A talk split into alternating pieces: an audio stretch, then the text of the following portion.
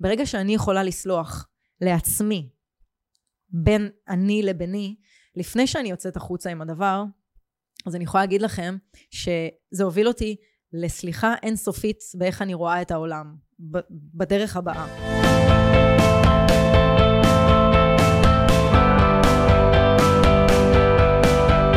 אז אה, קודם כל אני רוצה להגיד שאני מאחלת לכל מי שמקשיב לי עכשיו וכל מי ששומע את הפודקאסט הזה, אני ממש מאחלת לעצמי שבאמת, גם אם זה יהיה במאית, מאית המתנה הכי קטנה שאני יכולה לתת מהשיח הזה, הלוואי אמן שאני אצליח להעביר איזשהו תוכן קטן שרק אפילו קצת יטיב עם התחושה שאת או אתה נמצאים בה כרגע.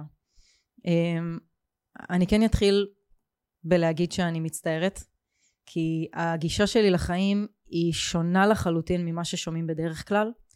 אני אדבר על אונס שעברתי ואני אדבר על אה, חיים לא פשוטים שקרו לי ועל כל מיני תהליכי סליחה שעשיתי במהלך חיי כי אני כן מרגישה שבן האדם נולד עם איזשהו סיפור והסיפור הזה צריך להיאמר בקול רם כי יש מישהו אחד בעולם שצריך אותנו. אני אדבר על הכל ואנחנו ניכנס לתוך הדבר הזה ולתוך התוכן לעומק שלו. אני כן רוצה אה, להגיד קודם כל הסיבה שאני מתנצלת זה בגלל שלפעמים זה נתפס כמשהו שהוא טיפה כמו מישהי שמעין חיה באיזה עולם משלה. אני בסדר עם זה. אני בסדר לחיות בעולם משלי. זה בסך הכל גישה. כל מה שאתם תשמעו כרגע, כל מה שאני הולכת להעביר לכם כרגע, אין בזה שום דבר שבא לשנות אתכם, לשפוט את הדרך שבה אתם רואים דברים. אין בזה שום דבר שבא לבוא ולהגיד לכם, אני יודעת איך לחיות את חיי בזמן שאתם לא. אין שום דבר כזה. אני אתחיל בלהגיד שאני אוהבת אתכם, וכל מי שמחליט להקשיב לדבר הזה ולמילים שלי, אני מבטיחה שיש פה גם אם זה בין המילים וגם אם זה במשפט אחד, יהיה תמיד מה לקחת, ואני מאחלת שאני אצליח להעביר את הדבר הזה, באמת, גם אם זה הצ'ופצ'יק הכי קטן שיכול להיות. אמ, אז שמי רונה, נעים מאוד, אני בת 35, אני גרה ברמת גן. אני מאמנת אה, מנטלית לאנשים שרוצים להרגיש שוב פעם את כוח העל שלהם, ואני מאמינה שכשנולדנו והגענו לעולם, הגענו עם איזשהו חלק בפאזל. החלק הזה בפאזל ניתן לנו כשהיינו קטנים ושכחנו אותו כי היה לנו יותר חשוב לייצר כסף ולרדוף אחרי דברים שהם חומריים והם מחוץ לגוף שלנו בזמן ששכחנו מי אנחנו. אני מאמינה ובטוחה במיליון אחוז שכל מי שהגיע לעולם הגיע עם איזושהי מתנה והמתנה הזאת בדרך כלל יושבת על הערך שלנו. אה, אני יכולה להגיד ולשתף שהערך שלי שאני הגעתי אליו איתו זה אומץ ובגלל זה גם כל החיים שלי נראים כמו אומץ והערך שלי האומץ שלי הוא לא הגיע לחיי והוא לא נכנס לחיי כדי שאני אוכל ליהנות ממנו, הוא הגיע כדי שאני אוכל לתת אותו.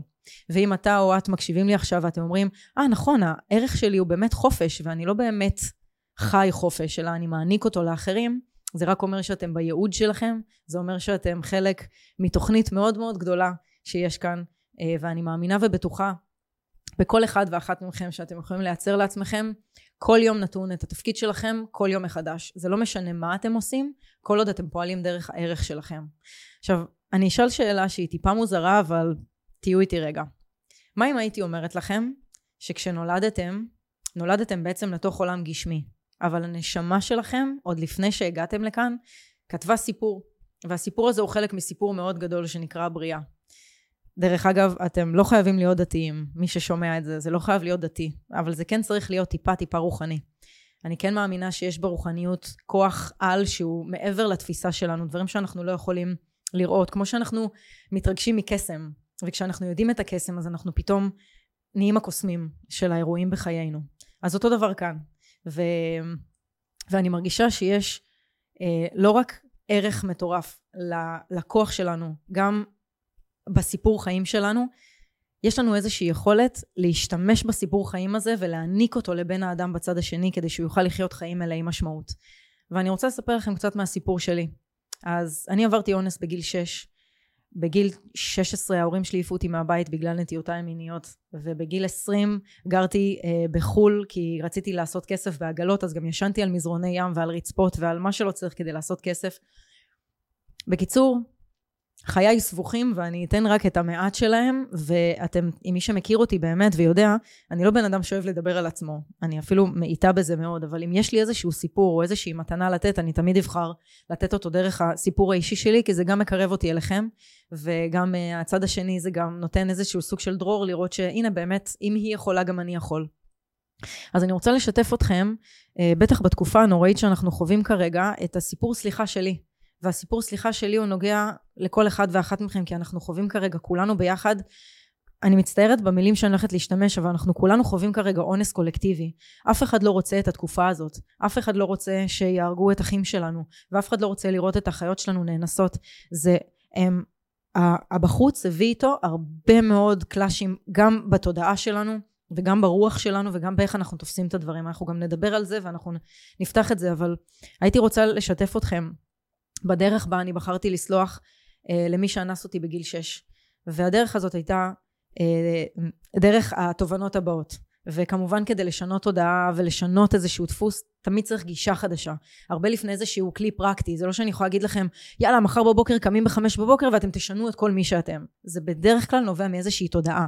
התודעה צריכה להיות הרבה לפני כמו אני רוצה להיות בריא יותר או אני רוצה לקום בשעות טובות יותר או אני רוצה או אני מעניק לחיי הרבה יותר הרבה לפני שאני יוצאת החוצה ובאה ואומרת לבן האדם אה, קום בחמש בבוקר וחייך ישתנו זה לא תמיד עובד ככה אנחנו צריכים לעבוד מתוך הרגש. אמ, אז יש איזשהו משפט שהלך איתי במהלך אה, כל חיי והמשפט הזה הולך ככה life humbles you וזה אומר את הדבר הבא זה אומר שפשוט כל היכולת שלנו וכל האתגרים בחיינו וכל מה שאנחנו פוגשים בחוץ בדרך כלל נועד כדי שנייה אחת להחזיר אותנו אלינו, להחזיר אותנו פנימה, לראות איפה אני יכול להיות בן אדם טוב יותר, לראות איפה אני יכול לתת יותר. אני מרגישה שאם קיבלנו מהבריאה את היכולת של הנשימה באפינו, אין לנו שום דבר בעולם הזה מלבד לתת. הנתינה היא תמיד הגורם מספר אחת, תבדקו אותי אם אתם רוצים, הגורם מספר אחת שמפסיק חרדות ומפסיק פחדים ומפסיק דיכאונות כי המשמעות שלנו נמצאת בנתינה שלנו. ואם אנחנו נצליח לייצר עולם שבו כל אחד נותן מהערך שלו אנחנו לא נצטרך לסבול פה לא מלחמות ולא שנאה ולא תחרויות ולא שום דבר אם אני אפתח עסק שהוא זהה לחלוטין מעסק של חברי היקר פה לצד שמאל שלי ושנינו נפעל מתוך ערך אחר יהיה לשנינו שפע אינסופי של אנשים כי האנשים יבחרו אותנו לפי הערך שלנו. יכול להיות שהמילים לא יושבות לכם כמו שצריך כי זה כמו שאמרתי בתחילת ההקלטה אין לי שום כוונה להגיד את דברים שאתם כבר יודעים ואין לי שום כוונה לבוא ולהגיד לכם איזשהו משהו ש... יגרום לאיזשהו שינוי תודעתי מטורף. המטרה שלי כאן זה באמת, גם אם זה יהיה במשפט הכי קטן לתת לכם, אז, אז, אז, אז תודה קודם כל על האפשרות הזאת. אמ, אז יש, אז זה המשפט הראשון. המשפט הראשון, life humbles you, זה אומר שאם אני צריכה להיות הרבה יותר טובה במהלך היום שלי, אז זה בא בדברים הקטנים, זה להתקשר לאימא שלי ולשאול אותה מה שלומה, וזה להיות בסדר למוכר בחנות שמכר לי את אה, מרכולתו, וזה בסדר להגיד גם אה, שלום ובוקר טוב להוא במעלית.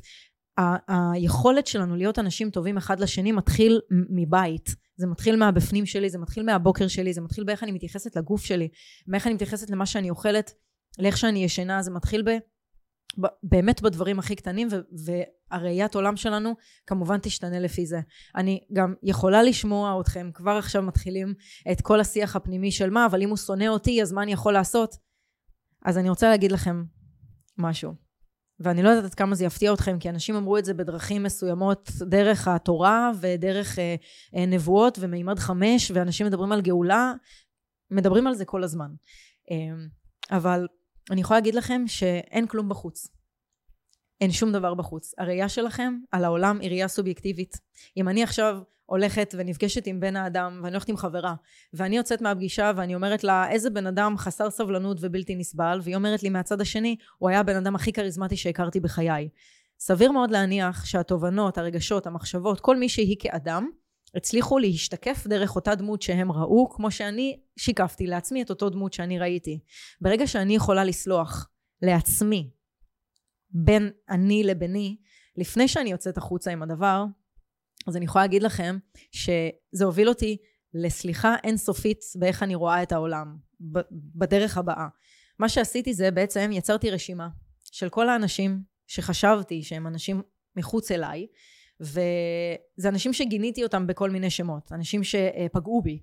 אה, ההוא אנס אותי, וההוא גנב ממני, וזאתי פגעה בי, וזאת בגדה בי. אז עשיתי רשימה של כל האנשים שהכי פגעו בי בעולם. ואז התקשרתי אחד אחד והתנצלתי. אני יודעת, זה נשמע מוזר, אני התנצלתי. אבל למה התנצלתי? כי העובדה שאני הסתכלתי על בן האדם ונתתי לו משהו ממני שהוא שייך אליי, זאת אומרת, אם אני הסתכלתי למישהו ואמרתי לו שהוא בוגד, כנראה שהבגידה נמצאת בתוכי. ואם אני הסתכלתי על בן האדם ואמרתי שהוא אנס, כנראה שהאונס נמצא בתוכי. אז עכשיו אתם בטח אומרים, רגע, רגע, רגע, את אנסת את עצמך? אז אני יכולה להגיד לכם שהרבה מאוד, אני אתן לכם דוגמה ממישהי שדיברתי איתה וזה יעזור לכם להבין את זה מאוד יפה.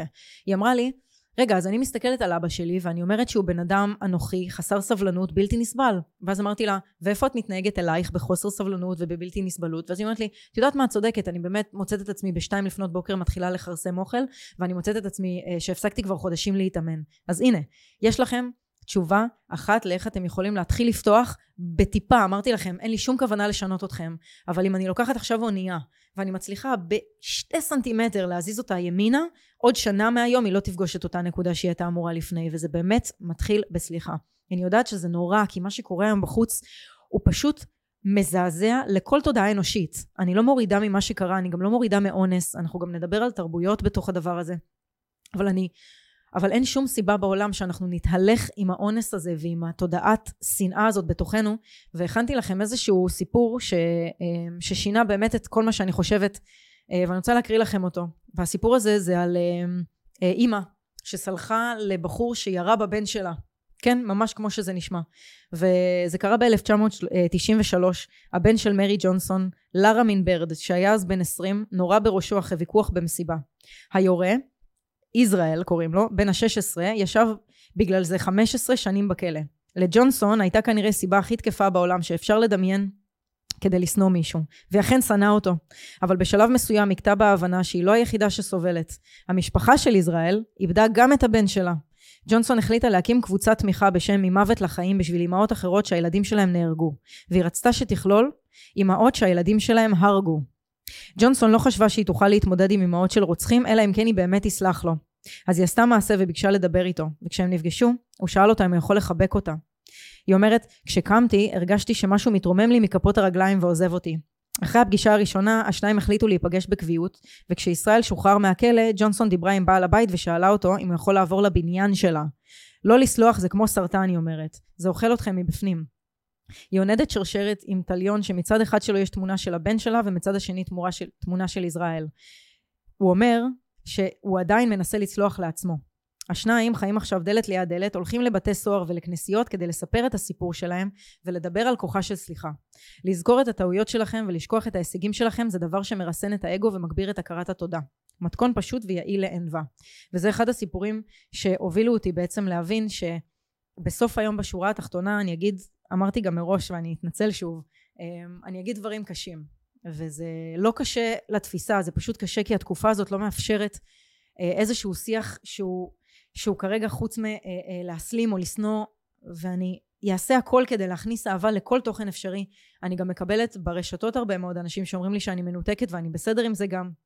ואני רושמת להם גם שאני אוהבת אותם מאוד וזה גם בסדר, אבל היכולת שלנו לסלוח היא היכולת הכי מטורפת שלנו להיפרד ממי שהיינו פעם. ואם אנחנו נצליח לעשות את זה, גם אם זה בסנטימטר קטן, ולהכניס לנו, למוח שלנו ענווה, סבלנות, חמלה, אהבה, ולא שנאה, חרטה, כעס, מוות. תדמיינו שאנחנו חיים עכשיו בעולם שבו 300 שנה קדימה, אף אחד בחיים לא יגיד את המילה שנאה, מלחמות, מוות, הרס, חורבן. אף אחד לא יגיד את המילים האלה, לא ישתמשו בזה, זה לא יהיה חלק מה, מהתודעה שלנו. והנה לכם לוחמה פסיכולוגית. אנחנו לא צריכים שום דבר בעולם חוץ מלשנות את איך שאנחנו חושבים על העולם, והעולם משתנה בהתאמה לכך. אז, אז אני כן רוצה אה, לשתף שמלבד אה, העובדה שהחיים מחזירים אותנו למי שאנחנו ומחזירים אותנו פנימה, ומלבד העובדה שלסליחה יש מקום מטורף בחיים שלנו, אה, אני רוצה להגיד לכם שבסוף היום אם יש לנו אפשרות של השתקפות מבחוץ לאיך אנחנו רואים את העולם הפנימי שלנו זה אומר שכל רגע נתון וכל פגישה שלנו עם בן האדם בצד השני יש לנו הזדמנות לצמיחה מטורפת. אם אני עכשיו נוסעת בכביש ואני רואה מישהו שהוא חסר סבלנות או יותר מזה אני חסרת סבלנות למישהו בכביש ואני רואה שאני יכולה ליצור פה איזשהו שינוי להכניס סליחה למחשבה שלי, תזכרו תמיד שתמיד יש לנו מקום למחשבה אחת. אין לנו מקום לשתי מחשבות. אני לא יכולה לכעוס על בן אדם ולאהוב אותו באותו רגע. אז תשאלו את עצמכם בבית התודעתי שלכם, איזה מחשבה אתם רוצים להחזיק? אם אתם רוצים להחזיק מחשבה שתייצר איתה טוב, רוגע, אה, שלווה, נוכחות, או שאתם רוצים מחשבה שתגרום ללב שלכם לשנוא עוד יותר וללבות אה, אה, עוד יותר תכנים של הרס וחורבן. זה, זה משהו שיש לי אה, אליכם. עכשיו אני רוצה לקחת אתכם לחלק טיפה יותר רוחני. והחלק הזה אומר את הדבר הבא. כשהגענו לעולם, הגענו לפה כי בחרנו. הנשמה העליונה שלנו בחרה את הגוף שלנו ואת הסיפור חיים שלנו, ויותר מזה, הנשמה שלנו מחזיקה בספר שהיא לאט לאט, וכל דף שהיא מעבירה, היא בעצם מקריאה את הסיפור חיים שלנו, והגוף שלנו הוא בעצם האבטר שדרכה היא משתמשת בנו כדי לייצר לעצמה את הסיפור שהיא רצתה מלכתחילה. זה אומר שהבן אדם היחיד בעולם שיודע את הסיפור חיים שלכם, קצה לקצה, זה רק הנשמה הגבוהה שלכם. ואני אגיד משהו קצת קשה, אבל אם מישהו מכוון לי אקדח לראש, מי שיחליט אם אני אמות או לא, זה לא הבן אדם שמכוון לי אקדח לראש, זה הנשמה שלי. ואם הנשמה שלי החליטה שהמקום שלי הוא הפסיק כאן, והתפקיד שלי נגמר כאן, אז הוא ייקח אותי מכאן והוא ישים אותי שוב פעם למעלה בדבר הגבוה הזה שנקרא אה, אה, בריכת נשמות ענקית, וזה יחזיר אותי אחר כך לכאן בדמות אחרת. כי זה שאני הולכת עכשיו במעיל הזה שאני לובשת כרגע, שנקרא רונה, לא אומר שאני לא אחזור לפה בגלגול הבא ואני אמשיך ואקיים את אותו סיפור שהתבקשתי לקיים לפני זה. ואני מבינה אם אתם לא מאמינים בזה. זה בסדר גמור, אתם לא חייבים להיות מאמינים גדולים, אתם לא חייבים להאמין דרך אגב בשום דבר. פשוט אני שמה לב שלאחרונה אנשים יותר ויותר מאמינים שיש משהו גבוה יותר מאיתנו ושכל הדבר הזה לא קורה סתם ושהדבר הזה קרה בגלל הפילוג ושיש סימנים כל הזמן גם בתורה וגם אה, אה, סממנים חיצוניים של ממימד שלוש למימד חמש ואנשים מדברים על אה, החזון אחרית הימים וגאולה ומשיח וזה מגיע מכל מיני כיוונים. בסוף היום בשורה התחתונה הולך לקרות פה שינוי וכולנו מרגישים את זה. מה שקרה לנו הולך לשנות את פני ההיסטוריה של מדינת ישראל פר אקסלנס אין פה ויכוח. אני שואלת את אותי ואתכם באיזשהו אופן כמה סליחה אנחנו מוכנים להכניס ליום שלנו? כמה פעמים ביום אני יושבת וקוראת פוסטים על אנשים שנרצחו, שנרמסו, שנהרגו, ש, ש, שאלוהים ישמור מה קרה להם ואנחנו מכניסים את עצמנו לכעס אינסופי. ממתי התודעה שלנו הזדהמה כיהודים בזה שאנחנו רוצים לראות עוד ועוד הרוגים מעזה? זה כאילו נראה לי, אני, אני לא מת...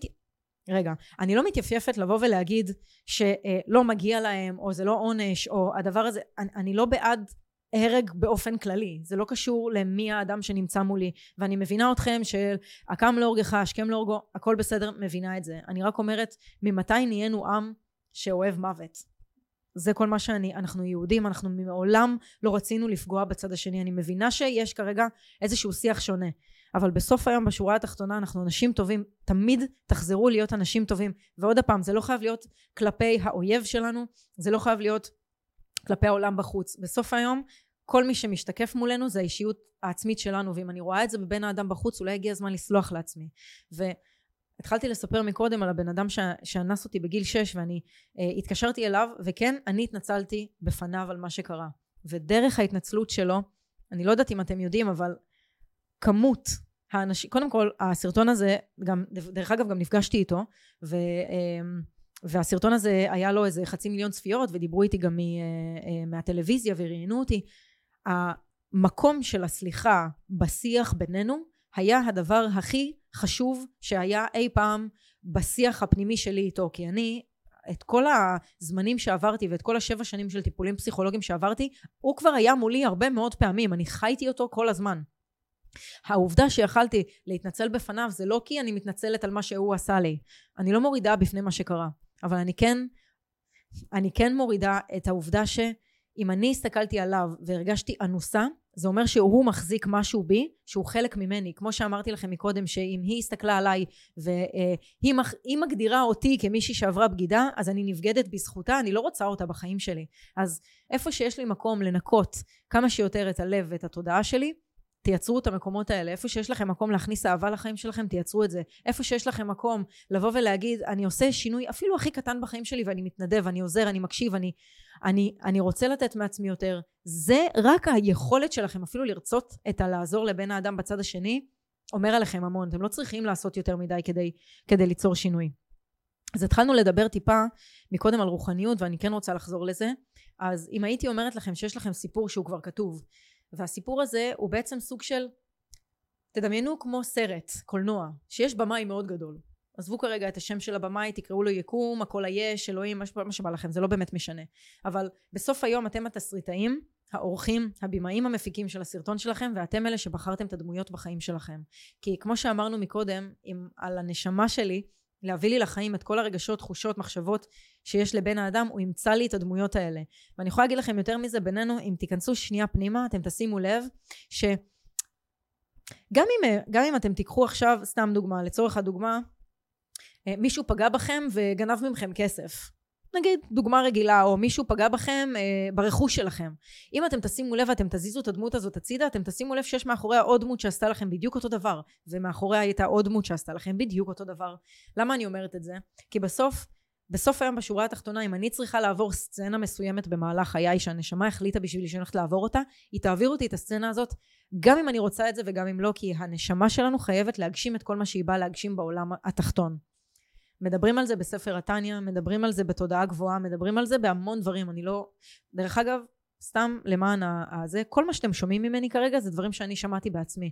זה דברים שאני מאמינה בהם בכל ליבי, וזה דברים שנתנו לי והיטיבו עם הלב שלי ונתנו לי לחיות איזה שהם חיים עם איזושהי גישה שהיא אני מרגישה שהיא טיפה עושה יותר טוב על הלב. ואם אני מצליחה דרך הטוב שלי לעשות טוב למישהו אחר אני בסדר עם זה עוד פעם, אתם לא חייבים לשמוע את הדברים שלי ולהגיד וואי, היא, אה, היא איזושהי גורו וזה לא המטרה שלי גם וזה לחלוטין רחוק ממה שזה, אבל כל דבר שאני שומעת שהוא מספיק יקר לי, אני מטמיעה את זה בפנים וכל דבר שאני מרגישה שהוא מספיק ראוי להגיד אותו בקול רם, אני גם אומרת אותו בקול רם ויש הרבה אנשים שמתחברים לגישה הזאת ואני גם אגיד לכם יותר מזה וזה קצת גישה שהיא טיפה יותר עמוקה אבל יש משפט יפה שאומר רנה דקארט אמר אותו והוא אמר אני חושב משמע אני קיים. הוא לא אמר אני אוכל משמע אני קיים, אני רעב משמע אני קיים, הוא אמר אני חושב משמע אני קיים. זה אומר שהמחשבות שלי הם אלה שמביאות את מי שאני לכדי ביטוי. זאת אומרת, שאם עכשיו אני מסתכלת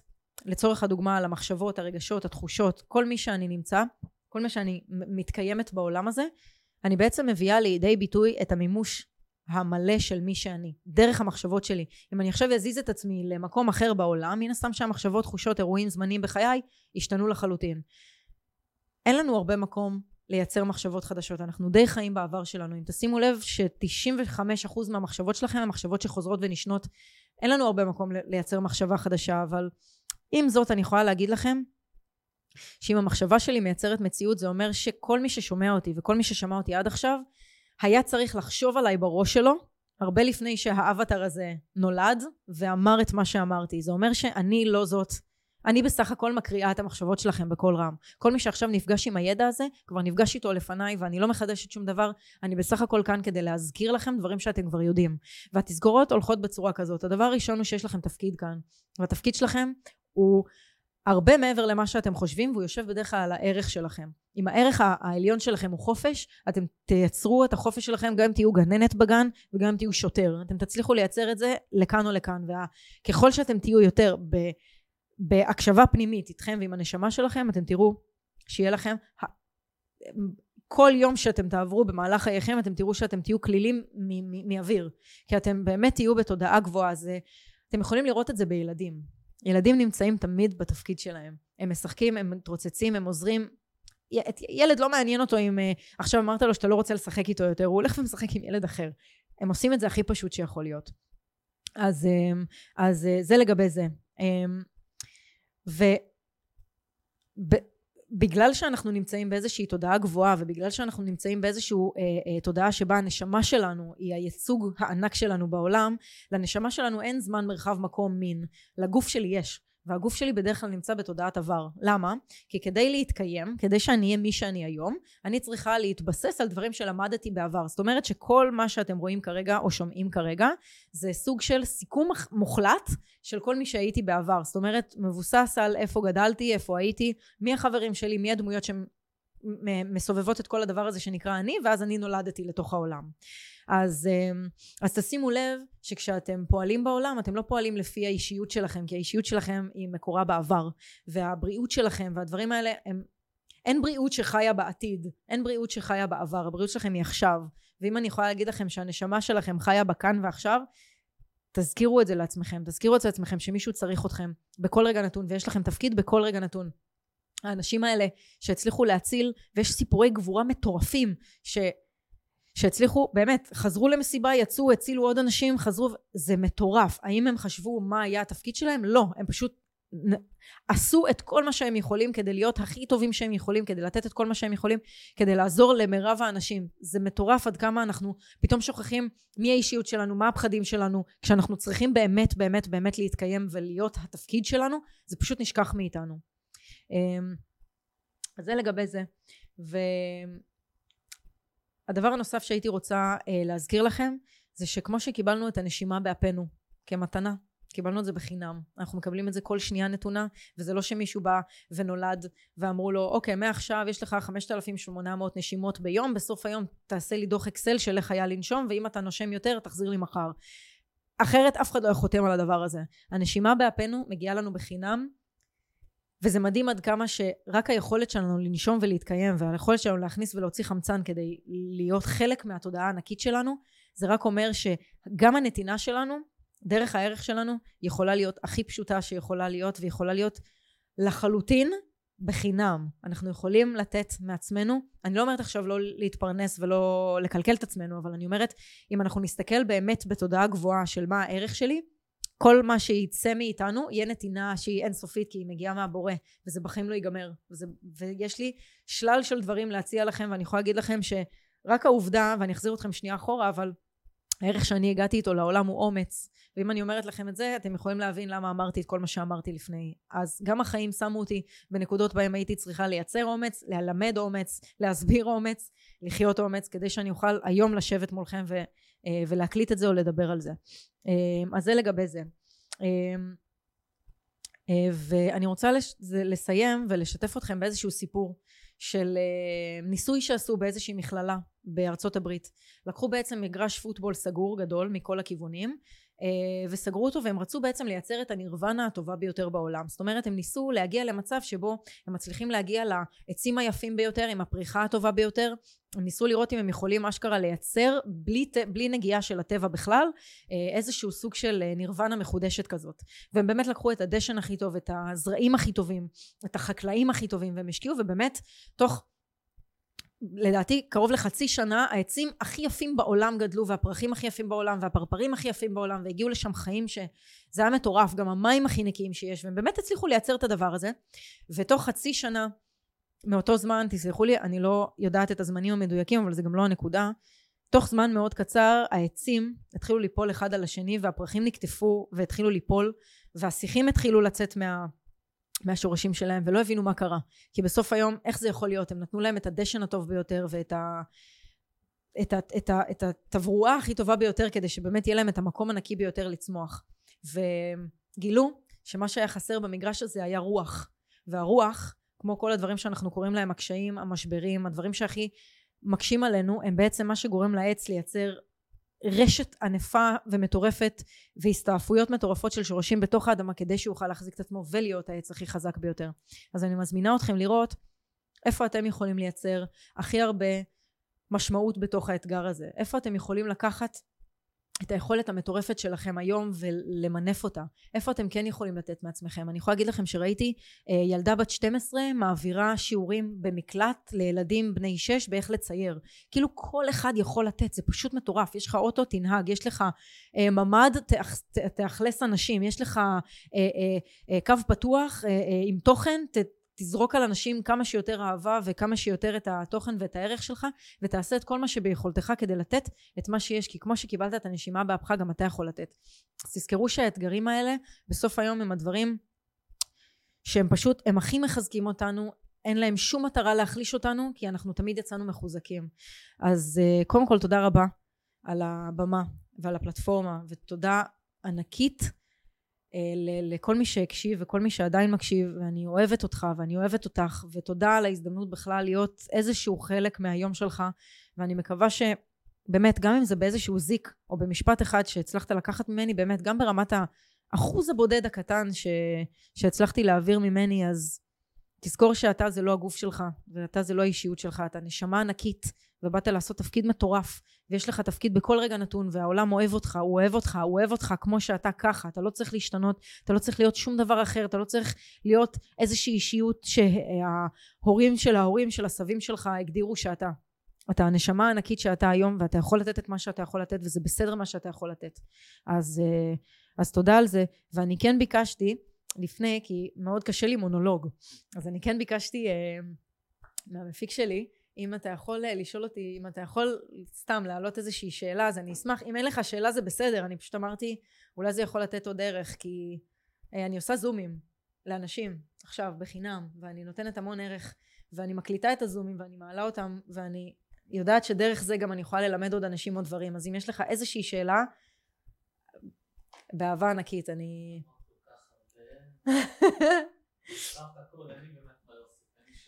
חמוד שלי, בסדר גמור. אז אני רק אגיד, אז אני רק אגיד שכל הדבר הזה וכל הגישה הזאת שלנו, של החיים האלה, וכל איך שאנחנו רואים את המציאות, זה באמת עניין של גישה, זה קם ונופל על גישה, זה לא משנה מה לימדו אותך עד היום, אתה יכול כל בוקר מחדש לשנות את כל ה mindset שלך. אני יכולה להגיד לכם שאני, אה, פעם הייתי בן אדם מעשן וחשבתי שאני לא יכולה להיגמל מזה ושיניתי הרגלים, ופעם חשבתי שאני אה, בן אדם שאין לו כסף וברוך השם יש לי שפע. כל הגישות האלה והמחשבות האלה מגיעות מה mind, וברגע שאנחנו נותנים לעצמנו ואנחנו מאכילים את עצמנו בסיפורי גבורה ופחות בסיפורי הרג ומוות, אני, לא, זה לא מנותק כמו שזה מחזק. ואני בעד שתתחזק ותתחזקי מאשר שתורידי את עצמך. אז אני אוהבת אותך מאוד, ואני אוהבת אותך, ותודה שהקשבת, ותודה שהקשבת, אה, ואני באמת, אה, אני פה, ולכל מי שרוצה וצריך אותי עוד, אני גם פנויה ואני אשמח, ואני בטח, אה, בטח תתייגו אותי גם נכון, והם יוכלו להגיע אליי באינסטגרם, אוקיי, אז כן, אז גם אתם תדעו איך להגיע אליי. אז תודה רבה, תודה על ההזדמנות. דניאל, תודה רבה. ביי, אוהבת אתכם. תודה רבה.